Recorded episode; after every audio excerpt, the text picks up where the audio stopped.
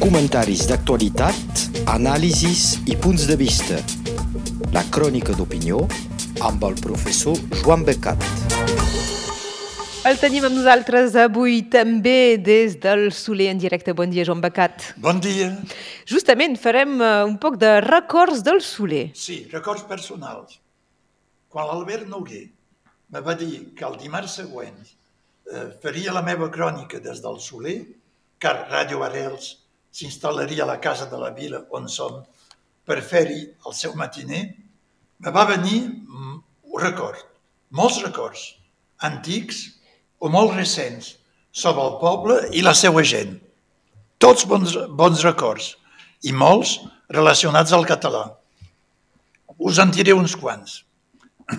El més antic, ja fa temps, són relacionats amb el Col·legi Dia. Era abans, us parli d'abans del ramassatge escolar.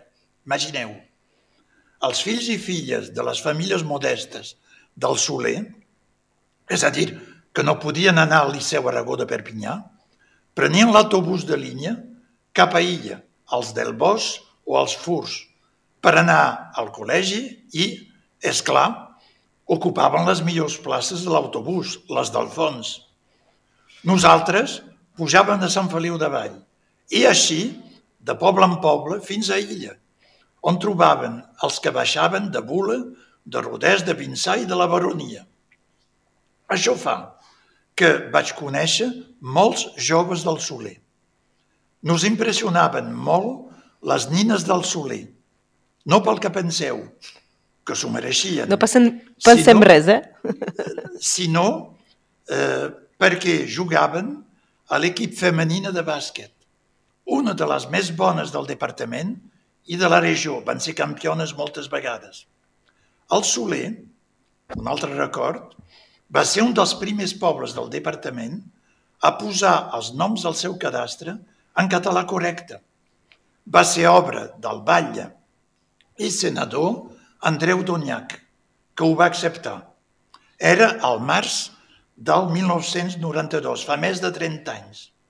Que ho faci un senador nos va ajudar per facilitar la correcció després dels altres pobles, evidentment. Se'n va encarregar, concretament, el seu adjunt Renat Codunyan, a la Casa de la Vila, aquí mateix, amb l'enginyer del cadastre, Antoine Bordignon, a qui devem totes aquestes primeres correccions. Se va fer amb tot un grup de bons coneixedors del terme. A més de Renat Codunyan, hi havia Albert Doliac, un adjunt, Gilbert Bernadac, Josep Ponceller, Adrià Blanc, Daniel Marcioni i Renat Trias. També hi havia, era una mica sorprenent, Celeste Ojaleux, al batlle del poble veí, Vilanova de la Ribera, la Ribera perquè el Soler té terres de l'altra banda de la Tet. És el gran riberal tocant a Pesià i el petit riberal tocant a Vilanova. Eh, més tard vaig tenir el seu fill, Pere Codunyan, com a estudiant per la llicenciatura de català. Després, ell va fer el seu camí i durant anys va ser la veu de Catalunya Nord, a Catalunya Ràdio i a TV3. El Soler és un poble de senadors, tots favorables al català, perquè després va venir Francesc Calvet, que va ser durant anys batlle del Soler i senador del departament. Francesc Calvet nos ha, nos ha ajudat molt, cada vegada que va calguer, sense preguntar res, pels estudis catalans a la universitat, per defensar la llengua o per les escoles catalanes. Ha facilitat la instal·lació de l'escola i del col·legi de la Bressola al seu municipi, se sap. Curiosament, el seu suport al català coincidia amb el suport al català del seu contrincant polític de sempre, Cristià Burquenc, de Sant Feliu d'Amunt i de Mias, cosa que demostra, si ho calia, que el català és una causa superior, que no us reuneix per damunt de les opcions polítiques. He estat sempre convençut que, malgrat les, diguem, enèrgiques campanyes electorals que els oposaven, ells dos tenien una complicitat evident i un respecte mutu. Exemple, recentment, Francesc Calvet va fer una intervenció perquè l'IGN faci la correcció en català dels noms del seu mapa de Tui Illa, l'últim que faltava per acabar la cobertura de Catalunya Nord. Hi havia una aberració, perquè el Soler és a cavall de dos mapes, el de Perpinyà i el de Tui. Un era corregit, Perpinyà, i l'altre no ho era, Tui. Va subratllar en la seva carta aquesta incoherència i la pertorbació pels habitants i els utilitzadors del mapa. Va tenir èxit, ja que l'any després, el 2018, l'IGN va publicar el mapa de Tui totalment corregit i, per tant, ara tenim la totalitat de l'àrea catalana del departament. També, el 2016 i 2017, Francesc Calvet va participar activament al recurs prop del Consell d'Estat per Occitània, País Català. Aquest recurs que la senyora Delgà i el senyor Manuel Valls eh, ens han acolomat eh, Occitànies i han negat el País Català. Ens va acompanyar a les audiències a París amb Hermelina Malherba, Renat Oliva i Jean-Marc Pujol. Va ser també el primer batlle a posar País Català a les entrades del seu poble – i molts, molts altres van seguir. Però, per jo, el Soler és el poble de naixement i del seu cor d'en Lluís Libutrí, en qui vaig fer la primera llista de nom del Soler i que jo venia a veure al seu camp del Pilú. Deixarem de moment els records del Soler i farem reflexions sobre la decisió del Consell Constitucional arran de la reforma de les jubilacions divendres, a finals de tarda, com sabeu, la llei sobre les jubilacions ha estat finalment aprovada pel Consell Constitucional, menys uns pocs articles. Semblava inevitable que la, el Consell l'aprovi, perquè aquest Consell jutja, com diu el seu nom, sobre la Constitució, i la Constitució s'havia respectada, digui el que diguin. Us vaig ja comentar aquí que l'ús de l'article 49.3 és legal, tot i que és actuar com un torrero, evidentment, i que ha xocat molta gent. Però tots els partits que han governat fins avui dia, dret i esquerra, l'han utilitzat, inclosos el que han cridat a l'escàndol, i han portat la llei al Consell Constitucional. De fet, l'han portat per una cosa que ells han fet sospiti que van ser hipòcrites i demagògics, com ho són molt sovint. El que és cert és que els que han portat la llei al Constitucional són amateurs, incompetents, per dues raons, segons jo. Tothom sabia, primera cosa, i els que atacaven la llei també ho sabien, que el Consell Constitucional retocaria uns quants articles, els que no encaixaven amb el motiu de la llei, que era el finançament de la seguretat social, i que són articles que precisament s'havien afegit per esmenes o negociacions. Per tant, han saltat, per exemple, els articles sobre el senyor, com diuen, i que no tenien relació, efectivament, amb les finances, quan 64 anys sí que té relació amb les finances. Si se volia que aquests articles se quedessin, com van dir Rossell o els socialistes, entre altres, doncs no calia anar al Constitucional i s'haguessin quedat. O bé calia anar al final de la discussió parlamentària per poder introduir molts temes, altres, i modificacions, i votar la part 7 sobre els 64 anys, en lloc de fer obstrucció, com ha fet LFI, que visiblement des de l'inici no volia que s'anés al final, per obligar el govern a fer ús del 49.3 i treure profit polític. Però així ha passat i no ho canviarem.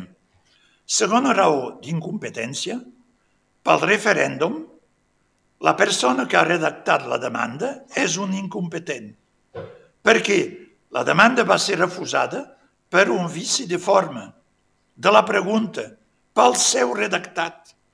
Se n'han envisat ells mateixos després i han fet una segona proposta. Ja veurem si ha millorat. Però la primera era cantat que la refusarien. I per tant, per què criden? No ho entenc.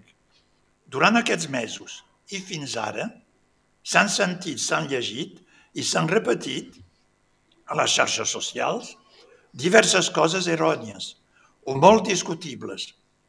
Jo no vull defensar el Consell Constitucional, que li tinc una dent, perquè és ell que nos ha decapitat la llei Molac i l'ensenyament del català per la mateixa ocasió. Però s'han de dir les coses com són. Si aquests dies s'ha dit que era a les ordres del president Macron, no m'ho crec. Si és veritat que quatre dels seus membres han estat designats en els últims sis anys pel president Macron i pel precedent president de l'Assemblea, Richard Ferrand, en marxa, és veritat també que cinc, o sigui la majoria i el president, han estat designats pels republicans i pels socialistes. Per tant, per què ataquen els seus? A més, se sap que són bastant independents. S'ha vist en la llei Molac.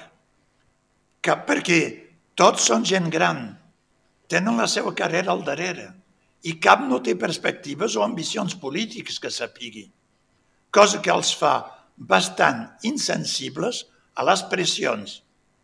Per això, pensi que manifestar per fer-los canviar de decisió en manifestacions al dia mateix per fer pressió no era la bona tàctica. Ho va ser, aquesta tàctica bona, pels debats parlamentaris, com ho demostren els diputats, uns quants, que van canviar de posició però crec que en el cas del Consell Constitucional, fins i tot, va ser contraproduent. Altra falta. Un altre tema de debat i de buzz, com diuen a les xarxes, dels tres últims dies, va ser la publicació de la llei, la nit mateixa, a les 3 del matí. Fins i tot s'ha dit i he sentit a la tele que Macron, d'una persona que deia que Macron l'havia firmada a aquesta hora de la, de la nit. No és així, ignorants. Que una llei se publiqui immediatament no és excepcional, perquè fins ara s'ha fet per totes les lleis des de fa sis anys, totes el dia mateix. Pel que fa a l'hora, també és normal, perquè correspon a les hores de publicació del diari oficial que se publica cada dia i que cada matí consulteu.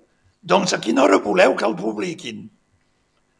si aneu a la pàgina web del diari oficial, veureu que, citació, l'usage des obligations politiques et juridiques ont conduit à une parution matinale, entre parenthèses, entre 2 et 7 heures du matin.